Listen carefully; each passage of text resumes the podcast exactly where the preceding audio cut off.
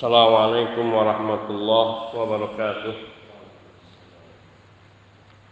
Alhamdulillah wahdah wassalatu wassalamu ala man la nabiyya ba'dah wa ala alihi wa sahbihi wa mawalah amma ba'du. Fa ya ikhwan fid din azani Allah wa iyyakum jami'a wa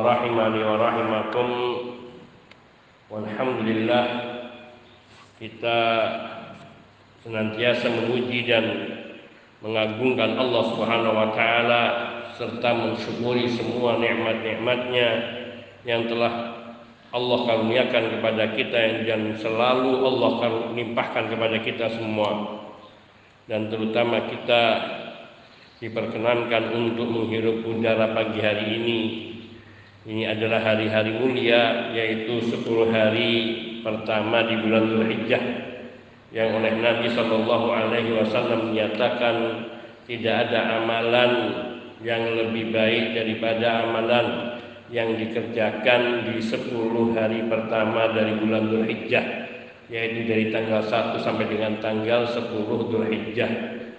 Bahkan jihad di jalan Allah tetap jihad di jalan Allah pun amalan ini kalah bila dibandingkan yakni dengan beramal soleh di bulan Dzulhijjah tanggal 1 sampai tanggal 10. Ini mengisyaratkan keagungan dan keutamaan beramal soleh di bulan Dzulhijjah di awal bulannya, terutama tanggal 1 sampai tanggal 10-nya.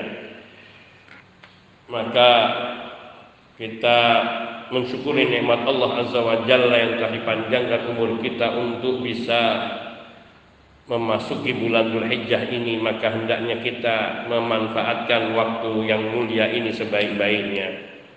Kemudian termasuk duduk di majelis ilmu ini termasuk amalan yang utama yang juga keutamaannya sangat besar maka bila dilakukan di bulan-bulan ini di hari-hari ini maka Allah tabaraka wa taala akan melipatkan pahalanya dan kebaikannya. Kajian kita pada pagi hari ini melanjutkan dari pembahasan tentang al-iman bi asyratis sa'ah beriman kepada tanda-tanda kiamat yaitu tanda-tanda kiamat besar.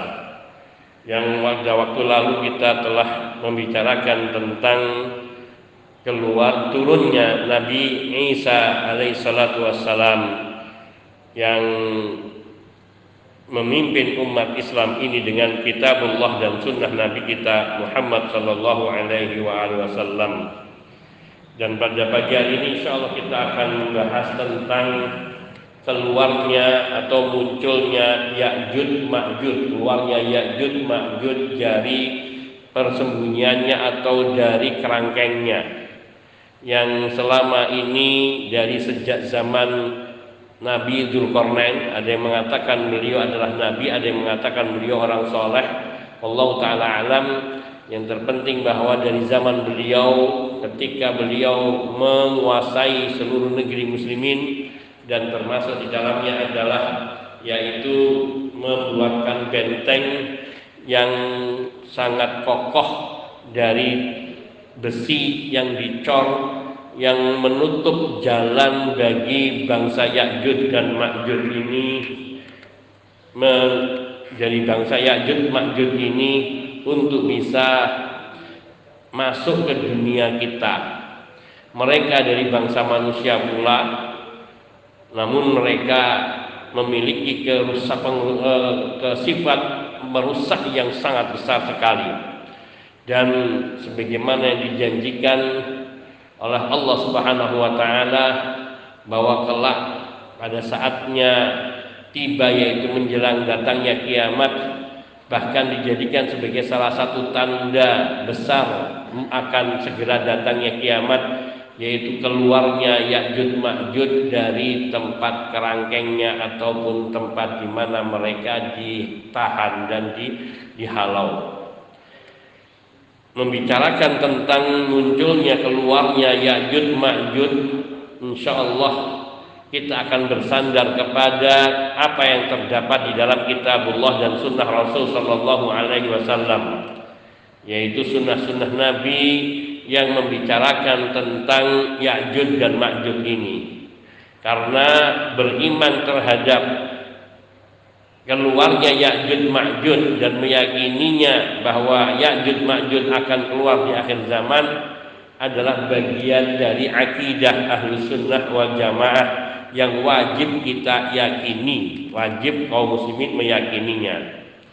Karena tentang keluarnya Ya'jud dan Ma'jud ini benar-benar telah dengan tegas dinyatakan oleh Al-Quran dan juga dinyatakan oleh sunnah nabawiyah sahihah dan juga oleh ijma'ul ummah yaitu kesepakatan para ulama seluruhnya dari masa ke masa bahwa Ya'juj Ma'juj itu memang benar-benar ada dan kelak di akhir zaman akan keluar.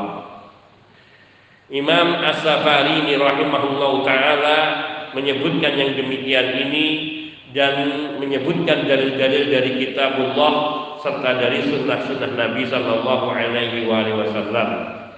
Adapun dalil-dalil dari kitabullah maka tersebut di dalam firman Allah Subhanahu wa taala surat Al-Anbiya ayat 96 97 hatta idza futihat ya'juj wa ma'juj wa hum min kulli hadabi yansilun waqtarabal wa'dul haqq fa idza hiya shakhisatun absarul ladina kafaru ya wailana qad kunna fi ghaflatin min hadza bal kunna zalimin. Sehingga ketika pintu ataupun gerbang tembok Ya'jud Ma'jud itu dirobohkan, dibukakan dan mereka dari segala tempat yang tinggi bersegera keluar turun yang sirun turun dengan cepatnya yaitu dari persembunyian mereka Waqtarabal wa'dul haq dan itulah saat di mana janji yang benar itu sudah semakin dekat yaitu dekat datangnya kiamat. Fa idza hiya syakhisatun absarul ladina kafaru. Pada hari itu yaitu hari kiamat nanti pandangan mata-mata orang-orang yang kafir itu akan terbelalak sembari mereka mengatakan duhai celakanya kami sungguh kami telah benar-benar berada di dalam kelalaian dari peringatan Allah ini yakni yang dahulu mereka ketika di dunia ini diperingatkan. Bal kunna zalimin bahkan kami dahulu berbuat aniaya terhadap diri kami dengan tidak mengimani apa yang disabdakan oleh para nabi dan para rasul. Di dalam ayat yang mulia ini Allah Subhanahu wa taala menyebutkan dua hal. Yang pertama yaitu dibukakan dirobohkannya dinding yang menghalau ataupun menahan bangsa Ya'jud dan Ma'jud sehingga mereka tidak bisa membuat kerusakan di muka bumi ini. Ini yang pertama. Sehingga ketika nanti dirobohkan dinding yang menutupi ataupun menghalangi Ya'jud Ma'jud, maka mereka dari tempat yang tinggi itu di satu tempat yang tinggi dengan cepatnya mereka akan turun dan berbondong-bondong dengan jumlah yang tak terbayangkan yang naudzubillah kita jangan sampai ketemu dengan masa itu itu benar-benar mereka akan turun dan membuat kerusakan besar di muka bumi. Kedua, Allah menyebutkan bahwa keluarnya Ya'jud dan Ma'jud ini merupakan tanda sudah dekatnya al-wa'dul haq yakni janji Allah yang hak yaitu akan datangnya kiamat atau hari pembalasan. Di sini Allah sudah mulai membicarakan mengantarkan antara yaitu keluarnya Ya'jud Ma'jud dengan terjadinya kiamat sangat dekat. Dan kemudian faidah hiya ini adalah pembicaraan yakni bahwa Allah Subhanahu wa taala menceritakan keadaan manusia kafir pada hari dibangkitkannya mereka dari kubur maka akan terbelalak mata mereka terperanjat karena mereka tidak mengira apa yang dulu diancamkan kepada mereka ternyata benar-benar terjadi. Oleh karena itu Allah mengat, Allah menceritakan keadaan mereka orang-orang yang kafir yaitu yang mengatakan ya wailana maka kunna fi ghaflatin min hada. Duhai celakanya kami. Duhai celakalah kami. Kami sungguh benar-benar dalam kelalaian yaitu melalaikan apa yang telah diancamkan kepada kami ini yaitu akan dibangkitkannya manusia pada hari kiamat nanti dan mereka akan melihat dahsyatnya dan mengerikannya hari itu. Bal kunna zalimin bahkan mereka menegaskan bahkan kami dahulu selalu berbuat zalim yaitu dengan mendustakan ayat-ayat Allah, peringatan-peringatan dari Allah Subhanahu wa taala. Ada dua tema di dalam ayat ini yakni pertama keluarnya Ya'jud Ma'jud yang menjadi pertanda dekatnya kiamat dan kemudian Allah ber, berbicara tentang manusia dibangkitkan karena keduanya sangat dekat diibaratkan sehingga seolah-olah itu adalah dalam satu kejadian untuk menyadarkan kepada kita manusia bahwa kiamat itu sangat dekat dan bahwa hari pembalasan itu pasti terjadi. Allah ayat yang kedua Allah tabaraka wa taala berfirman mengenai kisah Nabi Dzulqarnain uh, alaihi salatu wassalam di dalam surat Al-Kahfi ayat 92 hatta uh, A'udzubillahi minasyaitonir rajim Thumma atba'a sababa. Kemudian Nabi Dzulqarnain melanjutkan perjalanannya. Hatta idza balagha bainas saddaini wajada min dunihima qauman la yakaduna yafqahuna qawla. Sehingga tatkala Nabi Dzulkarnain ini sampai kepada sebuah gunung Bainas Saddain yakni ada dua gunung besar yang menyumbat mendindingi suatu negeri. Wajada min dunihima qauman.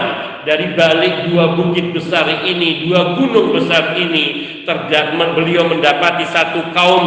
Layakaduna yafqahuna qaula yang hampir-hampir tidak dapat dipahami ucapannya.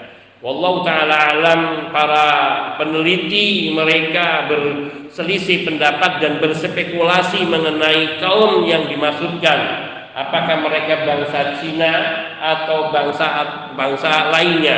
yang jelas bahasa mereka adalah bahasa yang asing bagi Nabi Dzulkarnain sehingga beliau tidak memahami ucapan mereka kecuali oleh penterjemahnya. Kalau mereka melalui penterjemahnya mengatakan ya Dzulkarnain wahai Dzulkarnain inna ya'juja wa ma'juja mufsiduna fil ardi. Bahwa sungguhnya bangsa Ya'jud dan Ma'jud mereka ini suka membuat kerusakan di muka bumi. Fahal naj'al laka kharjan ala an taj'ala bainana wa bainahum sadda. Maka apakah kami? Hal naj'al apakah kami uh, harus mengumpulkan yaitu pajak untukmu agar engkau membuatkan bagi kami yakni sebuah dinding yang memisahkan antara kami dengan bangsa Ya'jud dan Ma'jud ini.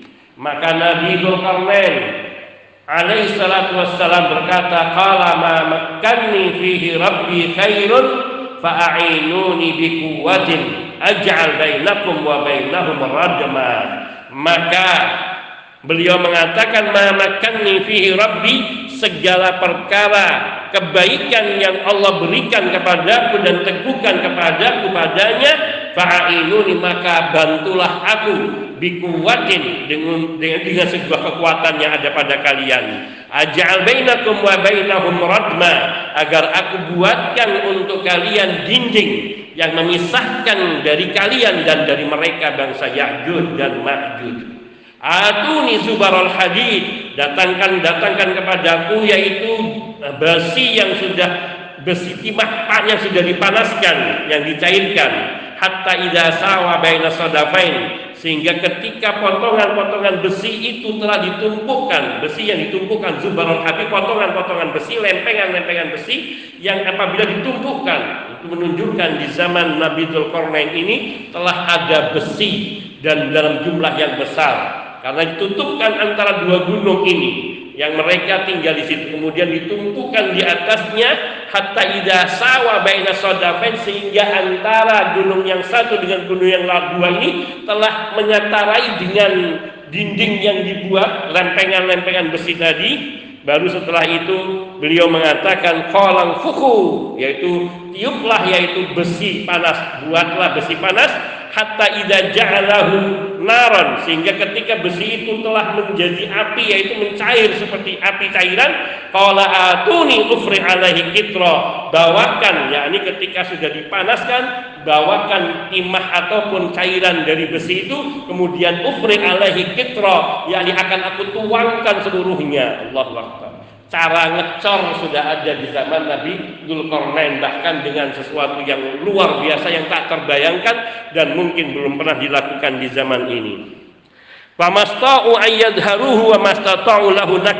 Maka ketika dinding dari besi yang tebal dan besar tinggi ini membuat mereka bangsa Ya'jud dan Ma'jud tidak bisa keluar. Baik ia tidak bisa yadharuhu eh, keluar lewat atasnya saking tingginya dan tidak ada tempat untuk bisa naik dan tidak mungkin mereka bisa membuatnya ini menunjukkan betapa besar dan tingginya dinding itu.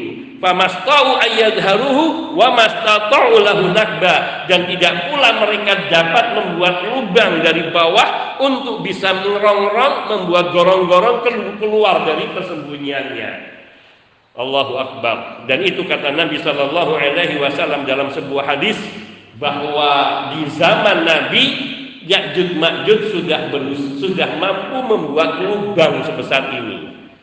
Namun dalam riwayat lain juga diceritakan bahwa setiap kali mereka sudah membuat lubang di sore hari, mereka katakan kita sudah malam, kita lanjutkan besok pagi. Esok paginya mereka tidak menemukan lubang itu lagi.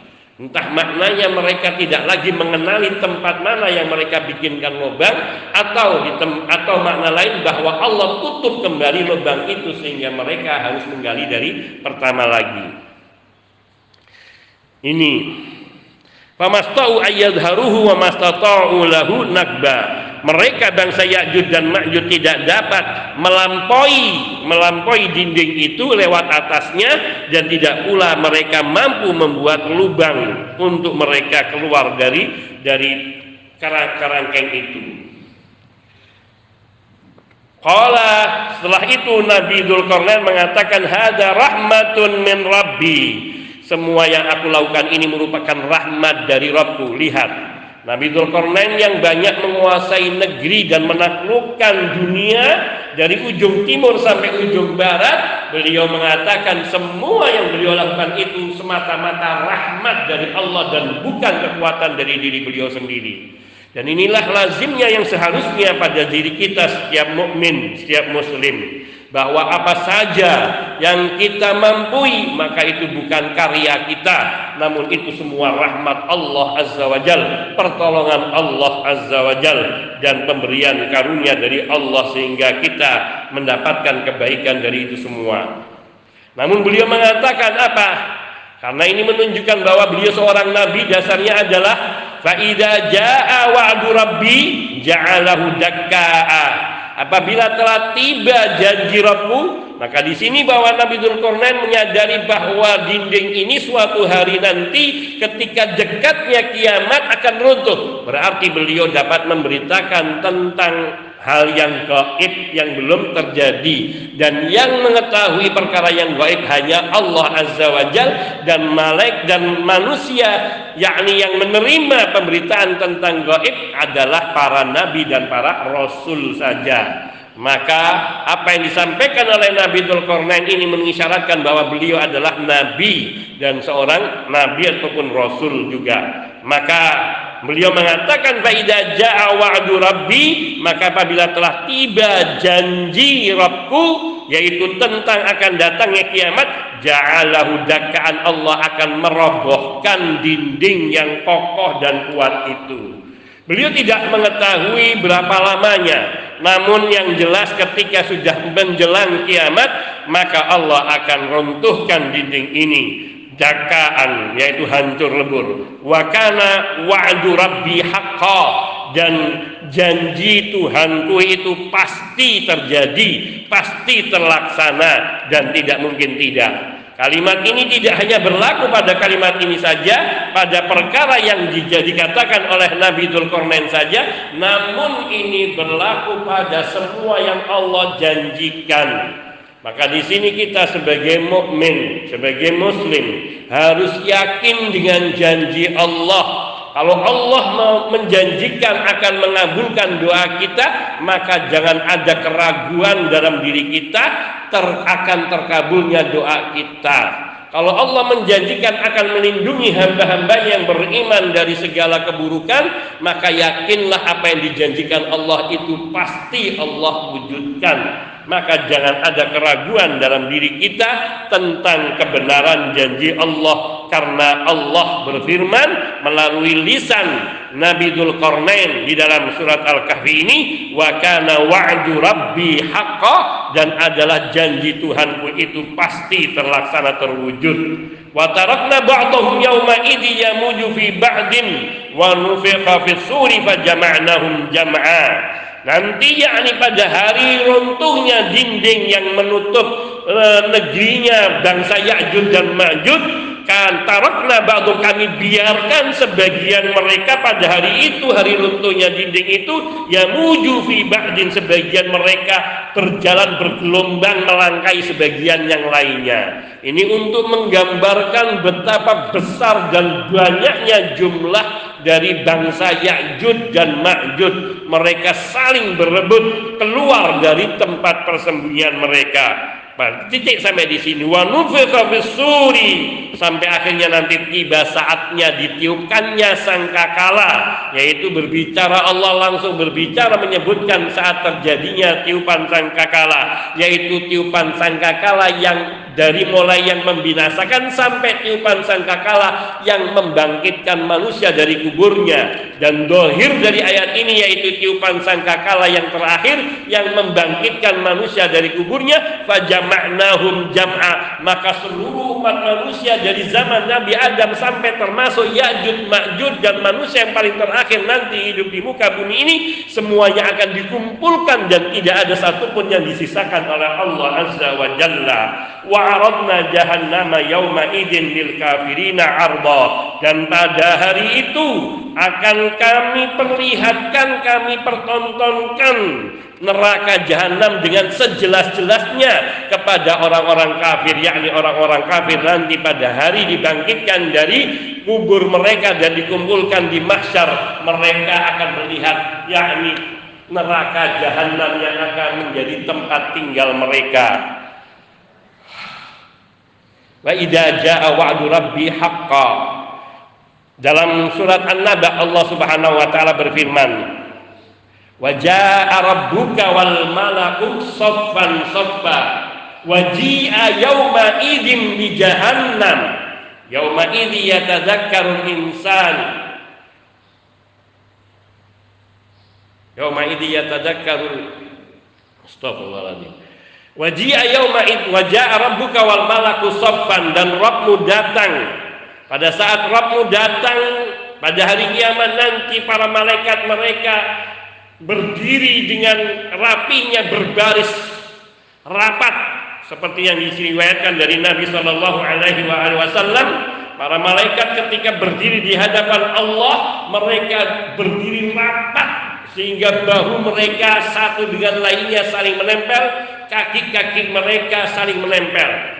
Sehingga Nabi mengatakan sekiranya di antara kami sekiranya kalian dapat melakukan seperti yang dilakukan oleh para malaikat ketika mereka berdiri di hadapan Rabb mereka yaitu berdiri rapat lurus wajah rabbuka wal malaku saffan saffa datang Rabbmu dan saat itu para malaikat berdiri berbaris dengan rapihnya wajia dan pada hari itu didatangkan yauma idin bi jahannam. Pada hari itu akan didatangkan neraka jahanam dan dalam sebuah hadis yang sahih Nabi sallallahu alaihi wasallam beliau bersabda wa tu'ta jahannam walaha sab'una alfa zimam wa fi kulli zimamin sab'una alfa malakin yajurrunaha pada hari kiamat nanti neraka jahanam itu akan di, di, diusung, didatangkan sehingga dilihat oleh orang-orang kafir seperti yang Allah firmankan di sini wa aradna jahannama yauma idzin lil kafirina arda. Diperlihatkan kepada orang-orang kafir, didatangkan neraka jahanam. Saat itu neraka jahanam ada di tepiannya itu sekitar 70 ribu tali kendali ataupun gagang kendali untuk dipegangi. Dan setiap satu zumam, satu kendalinya itu akan diusung oleh 70 ribu malaikat. Berarti ada berapa malaikat? Sekitar 4,9 4,9 miliar 4 miliar, 900 juta malaikat. Ini zaman kita ini satu Cina aja masih baru 1, 1,4 miliar. Belum sampai 2 miliar. Bumi ini, dunia ini menurut menurut sensus dunia kurang lebih 4 sampai 6 miliar wallahu taala. Ini yang hidup dan ini masih besarnya seukuran kita. Sedangkan malaikat Allah satunya bisa besarnya melebihi besarnya gunung yang paling tinggi dan paling besar. Bahkan tak terbayangkan oleh kita satu malaikat besarnya kayak apa. Sampai dikatakan ada satu malaikat yang Nabi diizinkan oleh Allah untuk menceritakan kepada kita tentang besarnya, yaitu malaikat yang mengusung ars Allah. Itu ars Allah ada di tandungnya dan ada sembilan malaikat kalau nggak salah apa delapan malaikat saya lupa. Apa sembilan belas malaikat kalau nggak salah di saat asyar sembilan belas malaikat yang memikul ars Allah. Dan itu kakinya ada di bumi Kayak apa itu besarnya? Padahal perjalanan dari kita tanah ini bumi kita sampai ke ke, ke, ke Allah menghadap Allah itu ke langit tujuh perjalanan yang disebutkan oleh Allah 50 ribu tahun yang ditempuh oleh malaikat cuma dalam satu hari yaitu malaikat malaikat yang mereka ditugaskan oleh Allah untuk mencatat amal perbuatan hamba ketika melaporkannya ta'rujul malaikatu ilaihi fi yaumin. Kana miqdaruhu khamsina alfasana para malaikat itu akan naik kepada Allah untuk menemui Allah melaporkan apa yang telah mereka lihat pada hamba-hamba Allah hanya dalam sebagian hari. Fi ini tabaid yakni untuk menunjukkan bukan keseluruhan tapi sebagian dari hari itu sebagian hari dalam masa sebagian hari yang kalau diukur perjalanan itu oleh kecepatan kita itu akan ditempuh khamsina alfasana 50 ribu tahun perjalanan kita bisa sampai kepada Allah Azza wa Jalla dan para malaikat ini kakinya ada di muka bumi ini Allah Akbar. Ini juga menjadi dasar menjadi dasar bahwa bumi ini tidak mungkin dia berupa bulan. Menurut sebagian sebagian ulama, yakni bahwa bumi ini datar. Buktinya, mbak mungkin kalau bumi ini bulat, maka gimana letak kaki para malaikat? Wallahu taala alam. Ini hanya artinya keterangan-keterangan yang bisa dijadikan sandaran di samping di sana ada dalil-dalil lainnya wallahu taala alam. Namun yang ingin kita tegaskan betapa besarnya neraka jahanam pada hari itu diperlihatkan yang diperlihatkan kepada orang-orang kafir.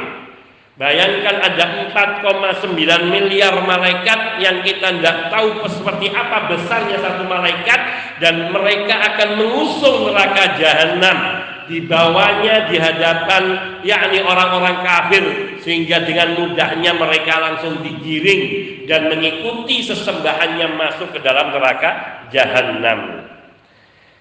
Kita kembali kepada keterangan tentang Ya'jud Ma'jud ini.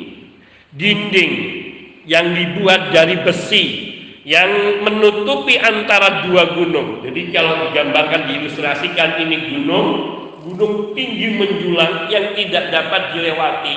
Dan ini indikasinya mungkin di daerah kutub sehingga orang untuk bisa ke sana satu dengan dinginnya penuh badai dan sebagainya antara dua gunung ini ada ada lereng ada lereng yang bisa jadikan lewatan mereka. Nah, tempat dua gunung lereng inilah celah dari dua gunung inilah yang kemudian ditutupi oleh Nabi Dzulkarnain sehingga bangsa Ya'jud Ma'jud yang ada di belakang gunung ini yang ada di sebelah lain dari gunung ini tidak dapat masuk dan masuk ke dunia kita. Padahal mereka juga dari bangsa manusia, namun mereka terhalang dan tidak bisa masuk ke dalamnya. Ini. Dan ini dibangun oleh Nabi Dzulkarnain menjadi sebuah dinding yang sangat besar yang memisahkan yakni bangsa Ya'jud Ma'jud yang suka membuat kerusakan di muka bumi sehingga mereka tidak dapat menyakiti dan mengganggu serta membuat kerusakan di muka bumi kepada bangsa-bangsa lain.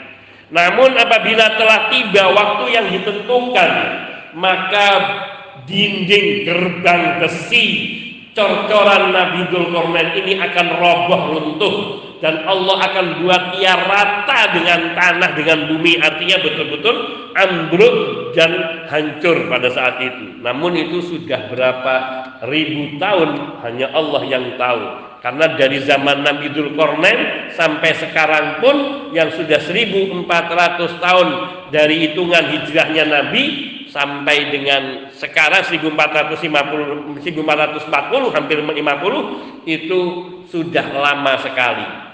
Ditambah lagi dari masa Nabi Shallallahu Alaihi Wasallam ke Nabi Dul Kornain yang jauh sebelum nabi-nabi yang lain. Maka sudah sangat lama betapa kokohnya dinding besi ini. Dengan izin Allah mampu bertahan dan menghalau atau menahan bangsa Ya'jud Ma'jud untuk bisa keluar.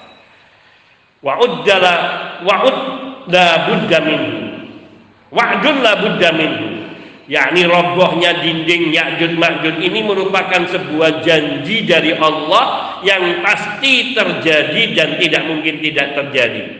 Dan apabila dinding ini telah roboh maka bangsa Ya'jud Ma'jud mereka akan keluar menemui manusia kita semua dan mereka yamujuna wa yansiruna yaitu seperti gelombang air yang besar kelutut seperti di gelombang air yang besar yang ada pada lautan. Itu menunjukkan saking banyaknya bangsa Ya'jud dan Ma'jud mereka tidak peduli dengan satu dengan lain. Pokoknya mereka semua yang selama ber, berjuta atau beribu atau beratus ribu tahun mereka tertahan di tempat itu mereka ingin keluar melihat dunia luar. Dan sudah ada semacam kayak apa namanya warisan dari nenek moyang mereka yaitu perjuangan untuk terus menerus secara bersambung keluar dari tempat itu. Dan mereka sudah mempersiapkan diri mereka bersegera lari bercepat dari segala tempat yang tinggi. Yakunu nafu fi suri qariban min dalik. Kalau itu sudah muncul Ya'jud Ma'jud, pertanda kiamat itu sudah dekatnya itu ditiupnya sangka kala kebinasaan baru kemudian nanti ditiupkan sangka kala yang membangkitkan manusia dari alam kuburnya. Ini dalil dari Al-Qur'an. Ada dua tempat yaitu pertama di surat Al-Anbiya ayat 96 97 dan yang kedua ada di surat Al-Kahfi ayat 92 sampai dengan ayat 100 Amma dalil minas sunnah Adapun dalil dari sunnah Nabi Sallallahu Alaihi Wasallam ini maka banyak. Di antaranya ada yang ada yang tersebut di dalam kitab Sahih Muslim dari hadisnya An Nawas bin Sam'an radhiyallahu taala anhu dari Nabi sallallahu alaihi wasallam bahwasanya beliau bersabda Allah taala yuhi ila Isa bin Maryam alaihi salam ba'da qatlihi dajjal anni qad akhrajtu ibadan li la yudanu li ahadin fi qitalihim Sungguhnya kata Nabi Shallallahu Alaihi Wasallam, Allah Subhanahu Wa Taala akan mewahyukan memerintahkan kepada Nabi Isa bin Maryam alaihissalam setelah beliau berhasil melewaskan Dajjal. Maka Allah mengatakan, sungguhnya aku akan segera keluarkan hamba-hambaku yang jumlah mereka dan kekuatan mereka tak terkalahkan di dalam memerangi mereka. Tidak ada seorang pun yang dapat mengalahkan mereka, memerangi mereka. Ini menunjukkan kekuatan bangsa Ya'jud dan Ma'jud. Bukan karena besarnya fisik mereka mereka sama dengan manusia-manusia lainnya. Mungkin mereka hanya lebih kuat lebih seperti kita mendapati orang-orang yang tinggal di pegunungan akan lebih gagah lebih kuat dibandingkan mereka yang tinggal di perkotaan atau yang terbiasa. Nah ini mereka sudah tinggal di pegunungan di daerah yang sangat-sangat sulit untuk dihidupi. Artinya untuk ditinggali sehingga mereka yang mampu bertahan sampai besar menunjukkan fisik mereka kuat. Namun mereka tetap manusia. Namun yang menyebabkan mereka tak terkalahkan sebagaimana keterangan para ulama saking banyaknya jumlah mereka. Di dalam Sahih Bukhari dan keterangan dari Imam Ibnu Hajar Al Asqalani rahimahullah taala sebagaimana juga di, disebutkan oleh Ibnu Qayyim rahimahullah bahwa hadis Nabi dari Sahih Bukhari ini di antaranya menyebutkan jumlah Ya'jud Ma'jud bila dibandingkan dengan kita semuanya. Dari ujung timur sampai ujung barat selain Ya'jud Ma'jud maka jumlah kita ini hanya 10 persennya.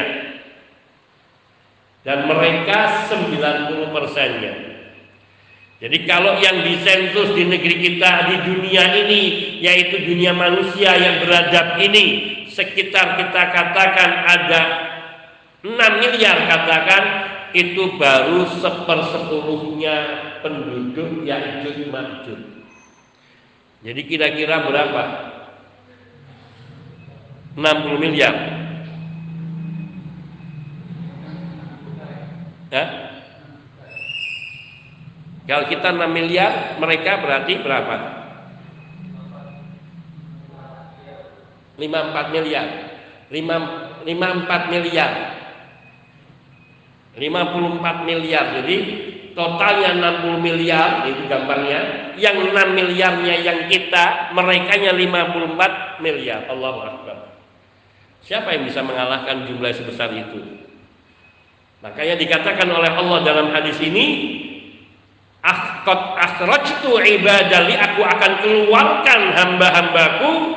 La yudanu li ahadin fi kitalim yang tidak ada seorang pun dapat mengalahkan memerangi mereka. Mengalahkan dalam memerangi mereka. Faharriz ibadi ila tur maka bentengilah hamba-hambaku yakni yang beriman ini yang ada di muka bumi ini yang selain Yajud Ma'jud yaitu bentengilah selamatkanlah mereka dengan berlindung ke bukit Tur. Jadi nanti Nabi Isa alaihissalatu wassalam akan membawa umat Islam semuanya ke bukit Tur Sina ke bukit Tur. Dan kita menunjukkan tidak tahu apakah karena pada masa itu jumlah manusia yang ada ini sudah semakin sedikit sehingga jumlah mereka yang 90 kali lipatnya atau yang lain Allah taala. Namun mereka ini dibawa oleh Nabi Sulaiman. Atau isyaratnya bahwa yang diselamatkan oleh Nabi Sulaiman hanya orang-orang yang beriman. Yang mereka beriman bersama Nabi Isa alaihissalatu wassalam. Yang mereka kemudian dibawa ke Bukit Tur Wa yab'atsullahu Ya'juj wa Ma'juj kemudian Allah akan kirim Ya'juj dan Ma'juj yaitu keluar dari persembunyiannya. Wa hum min kulli hadabiyyan silun kata Nabi dan mereka itu akan keluar dengan cepatnya dari tempat-tempat yang tinggi dari persembunyian mereka. Fayamurru awwaluhum ala bahirati tibriyah fayashrabuna ma fiha. Yang pertama kali keluar mereka akan melewati sungai Tibriyah dan akan minum dari sungai Tibriyah itu. Sehingga wayamurru akhirum ketika yang belakang itu melewati sungai Tibriyah cuman hanya bisa berkata bayakuluna mereka cuman bisa berkata laqad kana bihadza ma sungguh ini ada air sebelumnya di sini ini ada air artinya sungai Tibria yang luas itu pun habis diminum oleh mereka. Bukan karena mereka banyak minum tidak kata para ulama. Namun ini isyarat saking besarnya jumlah mereka sampai buat minum mereka yang sebagian yang pertama aja tidak cukup. Allahu Akbar. Ini menunjukkan sangat besarnya Isa wa ashabahu hatta yakuna ra'sul as-saur li ahadin khairun min mi'ati dinar. Kemudian mereka mengepung Nabi Isa. Mereka tidak bisa naik ke bukit Tur karena mungkin Allah Subhanahu wa taala melindungi mereka.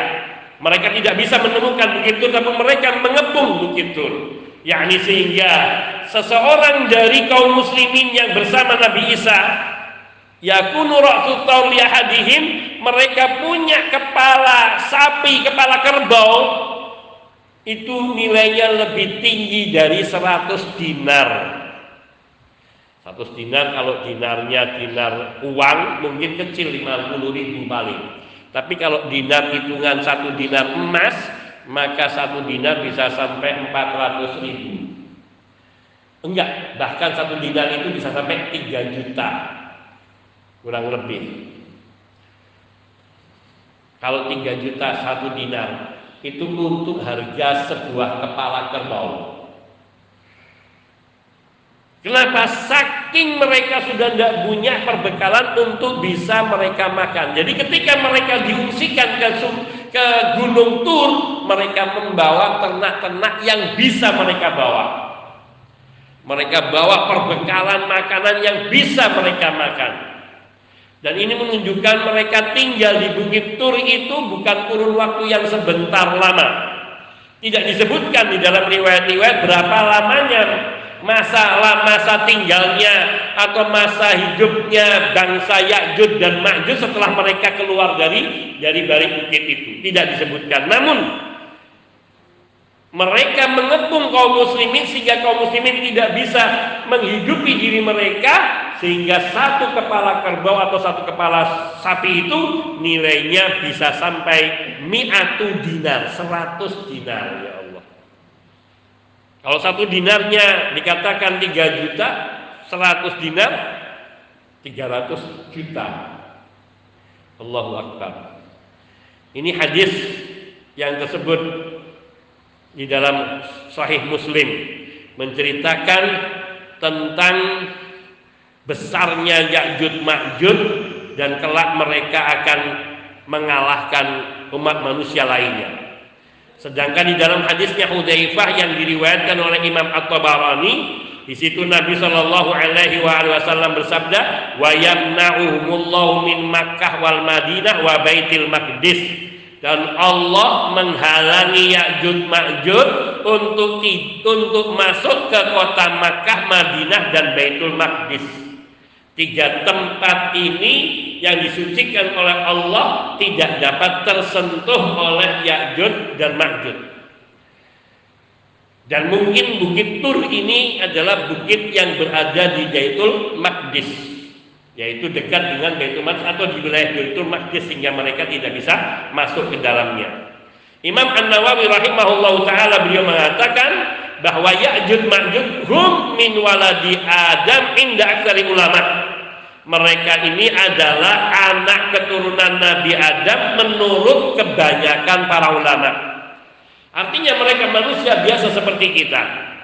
Karena itu yang diisyaratkan dalam ayat Al-Quran ketika orang-orang yang meminta kepada Nabi Dzulqarnain untuk membuatkan dinding pemisah itu mereka mengatakan bahwa Ya'jud dan Ma'jud dua bangsa yang suka membuat kerusakan dan mengisyaratkan mereka ini adalah dari bangsa manusia wallahu taala. Berkata Ibnu Abdul Bar rahimahullahu taala, beliau mengatakan al-ijma menurut sepakatan para ulama ala annahum min waladi Yafid bin Nuh alaihissalam bahwa Ya'jud Ma'jud ini adalah anak keturunan dari Yafid. Yafid bin Nuh. Yafid ini putranya Nabi Nuh alaihissalam Maknanya mereka ini yang selamat bersama Nabi Nuh alaihissalam. Mereka yang selamat bersama Nabi Nuh, uh, ini maksudnya Yafis ini yang termasuk selamat beriman kepada Nabi Nuh dan selamat. Kemudian dari keturunan Yafis inilah Kemudian lahirlah bangsa Ya'jud dan Ma'jud. Tapi nggak tahu kita jarak dari Yafis bin Nuh kakek moyang mereka sampai kepada Ya'jud bangsa Ya'jud Ma'jud ini berapa ribu tahun atau berapa juta tahun Allah taala alam. Yang terpenting mereka adalah anak keturunan Nabi Nuh dari Yafis. Wa zakara al-allama as-safarini berkata al-allama as-safarini berkata Ibnu Katsir yakni di dalam kitab tafsirnya atau di dalam Al-Bidayah wa Nihayah Allah taala tidak disebutkan di sini berkata Ibnu Katsir Ya'jud wa Ma'jud ta'ifatani minat Turk min durriyati Adam. Bahwa Ya'jud dan Ma'jud ini dua golongan dari bangsa Turk. Bangsa Turk di sini bukan Turki tapi Ataturk bangsa semacam bangsa Mongol nenek buyut bangsa Mongol jenis kan Mongol dan sebagainya itu bangsa, nenek moyang mereka Turk. Sehingga bangsa jenis kan ini masih satu rumpun dengan bangsa Yajud dan Majud yang isyaratnya mereka adalah yakni satu rumpun dengan bangsa Cina. Mereka masih satu rumpun dengan bahasa Cina wallahu taala Memang di dalam beberapa riwayat disebutkan secara rinci seperti disebutkan oleh Dr. Sulaiman Umar Al-Askar bahwa mereka rambutnya lurus, kulitnya putih, matanya sipit. Yang satu yaitu mana yang Yajud atau yang Majud itu agak tinggi, yang lainnya agak endek. Ada riwayat lain yang menyebutkan mereka yang satunya lagi itu seperti bangsa Eropa, kulitnya putih, atau putih kalau ini artinya kemerah-merahan yang tadi ini putih. Kemudian rambutnya kayak pirang kemudian di badannya ada kayak bulu-bulunya yaitu mengisyaratkan seperti bangsa Prancis atau bangsa Eropa. Wallahu taala alam. Karena riwayat-riwayatnya itu banyak dipertentangkan dan dipersisikan. Tapi yang lebih dohir mereka ini kelihatannya dari bangsa bangsa serumpun dengan bangsa e, Mongol ataupun juga yang terpenting seperti dikatakan oleh Al-Allam al Ibnu Katsir mereka dari bangsa Turk bukan Turki. Tapi Turk di sini adalah bangsa Ataturk atau nenek moyang dari bangsa Mongol. Wallahu taala alam. Karena mereka bangsa Turk ini adalah anak keturunan dari Yafis bin bin Nuh Summa qala kemudian Ibnu Katsir mengatakan wahum min dzurriyyati min sulalati Yafis abid Turk di sini mereka bahwa Ya'jud Ma'jud ini mereka semua adalah anak keturunan dari Nabi Nuh yaitu dari benih nasabnya sampai Yafis bin Nuh dan Yafis ini adalah bapak moyang bagi bangsa Turk. Bapak moyang dari bangsa Turk bukan Turki tapi Turk di sini yang Ataturk atau yang Mongol tadi. Ini perkataan dari Ibnu Katsir rahimahullah taala yang tentunya beliau bersandarkan kepada riwayat-riwayat yang sampai kepada beliau. Waqad akhbara Nabi sallallahu alaihi wasallam an qurbi khurujihim wa hadzara minhum. Nabi sallallahu alaihi wasallam telah memberitakan kepada kita akan dekatnya keluarnya bangsa Ya'jud Ma'jud dan sudah sering memperingatkan kita yaitu memperingatkan para sahabat yang sehingga itu menjadi peringatan bagi kita karena para sahabat telah menyampaikannya kepada generasi-generasi berikutnya sehingga sampai kepada kita. Nabi alaihi salatu wasallam beliau sebagaimana disebutkan dalam kitab Sahih Bukhari dan Muslim meriwayatkan uh, beliau bersabda dari Abu Hurairah radhiyallahu taala yang di situ beliau disebutkan Rasulullah sallallahu alaihi wasallam bersabda Futihal yauma futihal yauma min radmi ya'juj wa ma'juj mithlu hada. Kata Nabi sallallahu alaihi wasallam di masa hidup beliau, di masa hidup beliau, beliau mengatakan pada hari ini, saat ini dinding Ya'juj Ma'juj itu sudah tersingkap sebesar ini. Beliau membuat lingkaran dengan jarinya. Dalam hadisnya yang tersebut di dalam kitab Sahih Bukhari dan Muslim dari hadisnya Zainab binti Jahshin istri Nabi Shallallahu Alaihi Wasallam radhiyallahu taala anha bahwa Rasulullah Shallallahu Alaihi Wasallam ketika tidur di rumah Zainab binti Jahshin kemudian bangun dengan wajah muka merah sembari beliau bersabda la ilaha illallah wailul lil arabi min syarrin qad Beliau mengucapkan la ilaha illallah untuk menunjukkan satu keagungan dan menunjukkan kebesaran menunjukkan kebesaran Allah dan takutnya beliau dengan apa yang beliau lihat dari Allah Subhanahu wa taala ini. Kemudian beliau mengatakan wailul lil arabi min syarrin qad celakalah bangsa Arab yang akan tertimpa dengan keburukan yang sudah sangat dekat. Futihal ya yutihal yauma min rajmi ya'juj wa ma'juj mithlu hadha wa halaqa baina asbu'aihi. Beliau mengatakan pada hari ini dinding Ya'juj Ma'juj telah ter apa terbocorkan atau ter, terkuat sebesar ini. Beliau mengisyaratkan dengan dua jari beliau membuat lingkaran seperti ini. Ini atau gini, pokoknya membuat lingkaran. Ini dari zaman Nabi Dzulkarnain sampai Nabi Muhammad sudah segini. Dari zaman Nabi Muhammad ke kita, Allah taala alam. Apakah sudah seperti ini? Atau mungkin sudah lebih besar tapi belum bisa buat mereka keluar. Wallahu taala alam.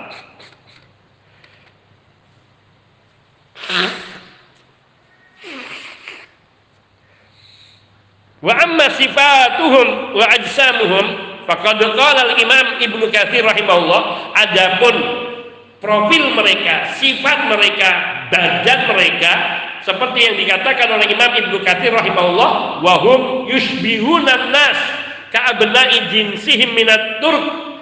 Al-ghatam al-moghol al-mujarzamah uyunuhum. Yaitu mereka ini sama seperti manusia-manusia lainnya. Seperti anak keturunan dari bangsa mereka dari jenis mereka yaitu bangsa Turk bangsa Turk itu seperti Gotam bangsa Gotam bangsa Mongol al-mujarzamah uyunuhum yang mata mereka sipit garis kayak kayak Cina Mongol itu memiliki sifat yang tipis, sipit. Adul unukuhum yang hidungnya pesek, nggak mancung. Kayak bangsa Arab mancung, kalau mereka pesek. Kebanyakan. Kemudian as-sohub syu'uruhum yakni rambutnya bergelombang atau lurus ala askalihim wa alwanihim yang memiliki kulit yang sama dengan bangsa Mongol dan bangsa Turk Gotam ini. Gotam al Gotam. Kulitnya, bentuknya kulitnya sama, yaitu kemerah-merahan atau kekuning-kuningan. Wa man za'ama anna minhum tawil alladhi kan nakhlatis suh sahub au atwal wa minhumul qasir alladhi wa kasyai'ul hakim. Wa minhum man qala man man wa minhum man lahu udunani yataghat eh, yataghatta bi ihdahima wa yatawatta bil ukhra faqad takallafa ma la ilma lahu bihi wa qala ma la dalila alaih ini yang kedua dikatakan oleh Imam Ibnu Katsir. Barang siapa yang berkeyakinan atau beranggapan bahwa Ya'jud Ma'jud ini di antara mereka ada yang tinggi sekali seperti tingginya pohon pohon kurma yang sangat tinggi menjulang tinggi. Ada pula ada yang mengatakan kemudian di antara mereka ada pula yang pendek sekali seperti anak kerdil manusia kerdil. Kasyai'ul hakir yang sangat kecil sekali. Wa minhum man yataghatta bi ada lagi yang mengatakan sampai di antara bangsa Ya'juj Ma'juj ini yang memiliki dua telinga yang satunya menutupi yang lainnya. Wa yatawatta bil ukhra bertumpuk kupingnya. Nggak bisa kita bayangkan nggak bisa kita lukiskan kayak apa. Maka orang-orang yang mengatakan seperti ini qad takallafa mala ilma lahu dia telah mencapekkan dirinya me, memaksa dirinya melakukan sesuatu yang tidak ada ilmunya dan mengatakan satu perkara yang tidak ada dasar dalilnya Maknanya orang-orang yang mengatakan tinggi, ada yang kecil, ada yang telinganya menutupi telinga yang lainnya, ini semua tidak beralasan dan tidak berdasar kepada hadis-hadis Nabi, apalagi Al-Quran. Jadi tidak bisa dipegangi perkataan mereka. Yang kembali kepada riwayat-riwayat yang dohir bahwa mereka adalah dari bangsa manusia, anak keturunan Nabi Adam dari sulalah yaitu benih uh, Yafis bin Nuh alaihissalam yaitu dari bangsa Turk, Rotan dan Mongol ini tiga. Wa amma ma yuhsaru minal wal fasad fil ardi wa nihayatihim faqad dalla ala al hadits rawahu Imam Ahmad an Abi Sa'id Al-Khudri radhiyallahu ta'ala Adapun kerusakan dan gangguan yang ditimbulkan sampai terakhirnya oleh mereka telah ditunjukkan oleh hadis yang diriwayatkan oleh Imam Ahmad dari Abu Sa'id Al-Khudri radhiyallahu taala yang beliau berkata, "Sami'tu Rasulullah sallallahu alaihi wasallam yaqul, aku telah mendengar Rasulullah sallallahu alaihi wasallam telah bersabda, yuftah yaftahu ya'jud wa ma'jud yuftahu ya'jud wa ma'jud fayakhrujuna 'alan nas Ya'jud dan Ma'jud nanti mereka dibukakan ataupun mereka membuka membongkar dindingnya fayakhrujuna 'alan nas dan mereka akan keluar mencari manusia mendatangi manusia Kama qala ta'ala seperti yang Allah firmankan dalam surat Al-Anbiya ayat 96, "Wa hum min kulli hadabin yansilun." Dan mereka akan keluar bergegas dengan cepatnya dari tempat yang tinggi berbondong-bondong dengan cepatnya. Saling bergelombang saking banyaknya. Fayaksaunan nasa wa yanhazan wa yanhazan nasu anhum ila madainihim wa usunihim mereka menguasai manusia semuanya.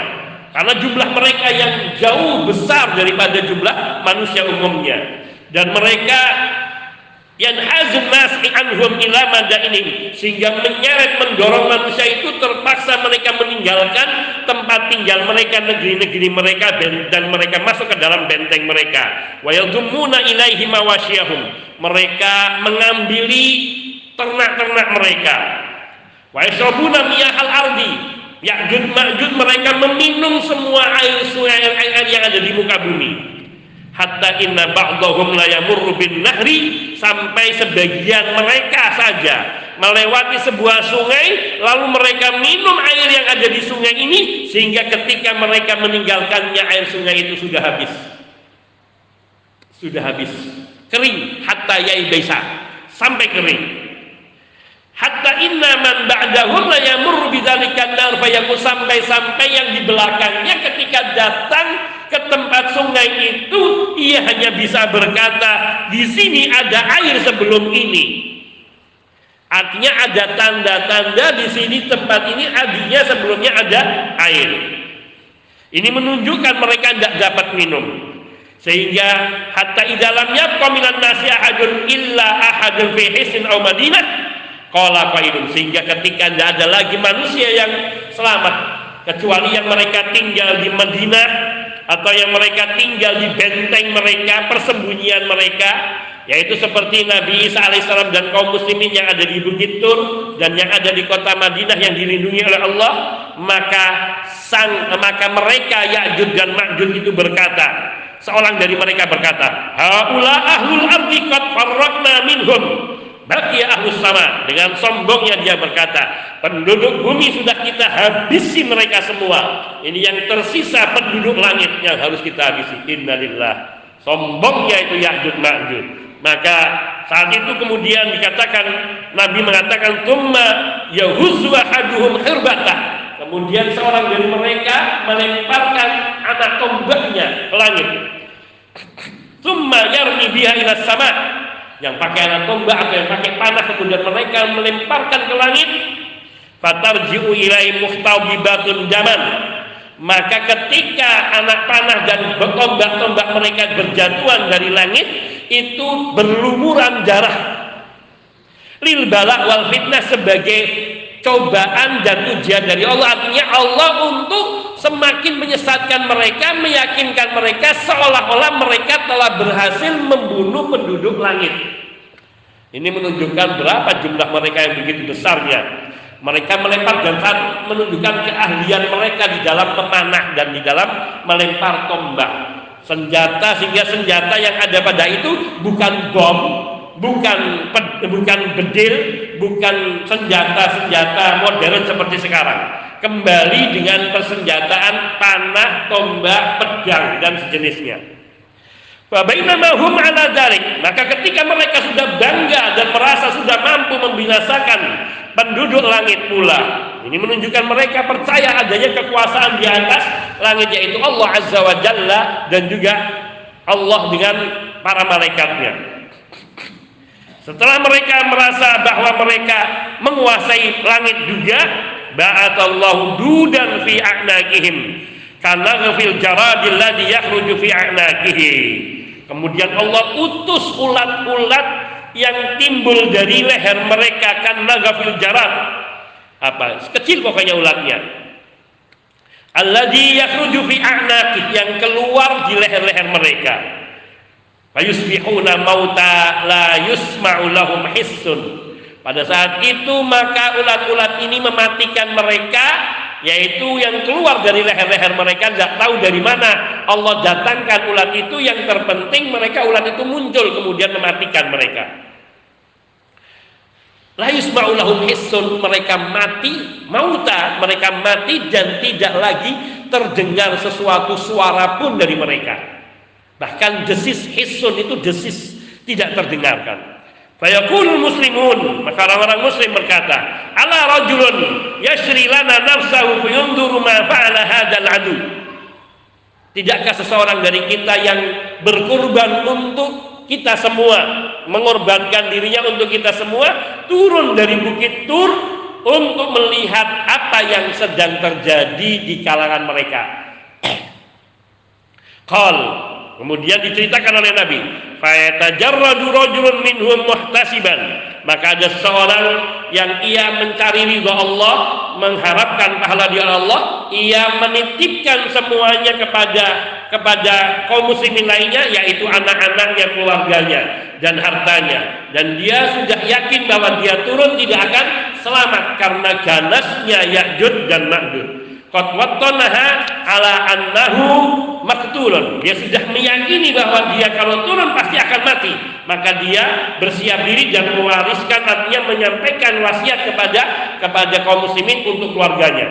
Fayanzil maka dia turun fayajiduhum mauta ba'duhum ala ba'din dan ketika turun dari bukit Tur barulah dia melihat bahwa mereka telah mati bertumpuk-tumpuk satu dengan yang lainnya menindihi yang lain. Fana yunadi maka saat itu dia mulai teriak ya ma'syaral muslimin ala abshiru? Inna Allah ta'ala qad kafakum aduwakum. Wahai kaum muslimin Bergembiralah kalian Sesungguhnya Allah Ta'ala telah memenangkan kalian atas musuh-musuh kalian. Allah, Allah telah menjaga kalian, mencukupkan kalian dari serangan musuh-musuh kalian. Maka kaum muslimin pun yakhrujuna min madaini mausunim Mereka keluar dari persembunyian mereka, dari benteng mereka Dan dari ya, benteng mereka tadi wa mawasyahum. Dan kemudian mereka melepaskan hewan-hewan ternak mereka.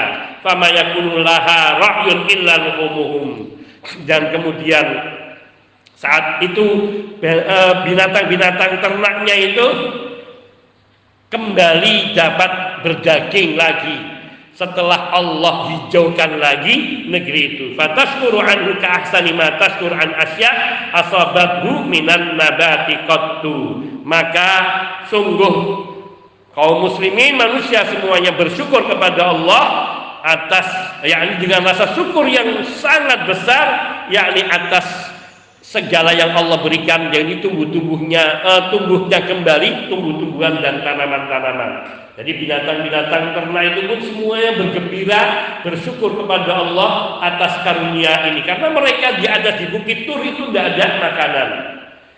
Kemudian Imam Ibnu Kathir rahimahullah mengatakan demikian itu yang diriwayatkan oleh Ibnu Majah dari hadisnya Yunus bin Bukair dari Muhammad bin Ishaq dengan riwayat yang serupa dan sanatnya baik.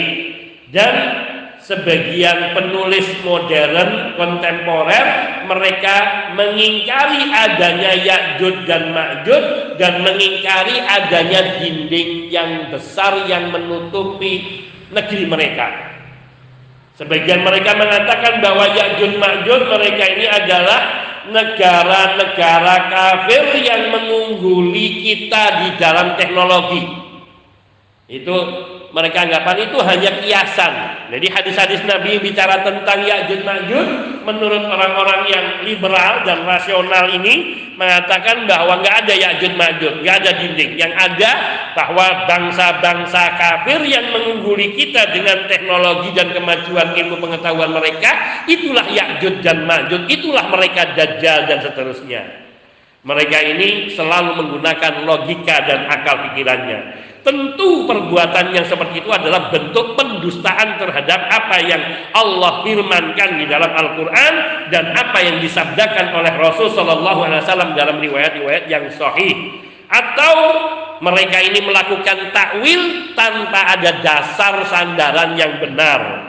yakni mentakwilkan sesuatu yang tidak memiliki hubungan sama sekali dan ini adalah bentuk pendustaan terhadap apa yang dalam Al-Quran dan Sunnah Rasul Sallallahu Alaihi Wasallam. Dan bila dia meyakini hal itu benar-benar tidak ada Ya'jud Ma'jud, maka dia kafir karena mengingkari apa yang ada di dalam Al-Quran. Maka zaman awalau juga orang yang mentakwilkan Ya'jud Ma'jud dengan bentuk-bentuk lain maka sungguhnya dia telah sesat dikhawatirkan dapat terjatuh kepada kekufuran. Wah insya Allah kita akan lanjutkan pembahasannya yaitu nanti subuhat yang muncul setelah Ya'jud Ma'jud dan nanti akan kita lanjutkan pembahasan tentang keluarnya binatang yang akan berbicara kepada manusia dan memberi tanda pada diri manusia di dahi-dahinya dengan tanda kafir dan mukmin. Insya Allah taala barangkali ada pertanyaan. Tapi sedikit saya tambahkan bahwa ada dalam riwayat lain yang disebutkan bahwa Ya'jud Ma'jud ini mereka ahli memanah. Sehingga dikatakan seseorang dari mereka tidaklah mati kecuali telah melihat seribu anak keturunannya pandai memanah. Wallahu ta'ala alam. Apakah mereka diberi umur yang panjang oleh Allah? Di sinilah sehingga mereka tumbuh kembangnya lebih besar daripada populasi yang ada di kita. Jadi seorang dari mereka sebelum matinya dia akan melihat seribu anak keturunannya sudah pandai memanah. Seribu anak keturunannya istilahnya kepada anak-anaknya. Bisa maknanya bahwa seseorang dari mereka sampai menikahi seratus wanita dan masing-masing wanitanya sampai melahirkan bisa sampai sepuluh. Maka satu orang bisa sampai punya anak seribu dan mereka dewasa sampai pandai memanah baru orang tuanya meninggal dunia. Wallahu taala alam. Namun ini penjelasannya dalam riwayat itu bahwa seseorang dari Ya'jud Ma'jud ini tidak mati kecuali dia telah melihat anak-anaknya pandai memanah mengisyaratkan sehingga populasinya setiap orang bisa punya anak keturunan sampai seribu meskipun bukan seluruhnya. Atau kebanyakan umuman mereka seperti itu. Sehingga tidak heran bahwa jumlah mereka bisa mencapai 90% dari jumlah manusia yang di kita. Kita menikahnya rata-rata satu dan ada yang nggak punya anak. Dan apalagi sekarang kemudian banyak yang meninggal dunia karena wabah dan macam-macam lainnya Wallahu taala alam. Ini di antaranya. Wa insya Allah nanti kita lanjutkan bahasan sedikit sisanya mengenai subuhat yang kadang-kadang disandarkan kepada masalah Ya'jud dan Ma'jud ini dan jawaban dari Asy-Syaikh Hafizahullah taala hada minni. Mungkin ada pertanyaan. Sallallahu alaihi wasallam.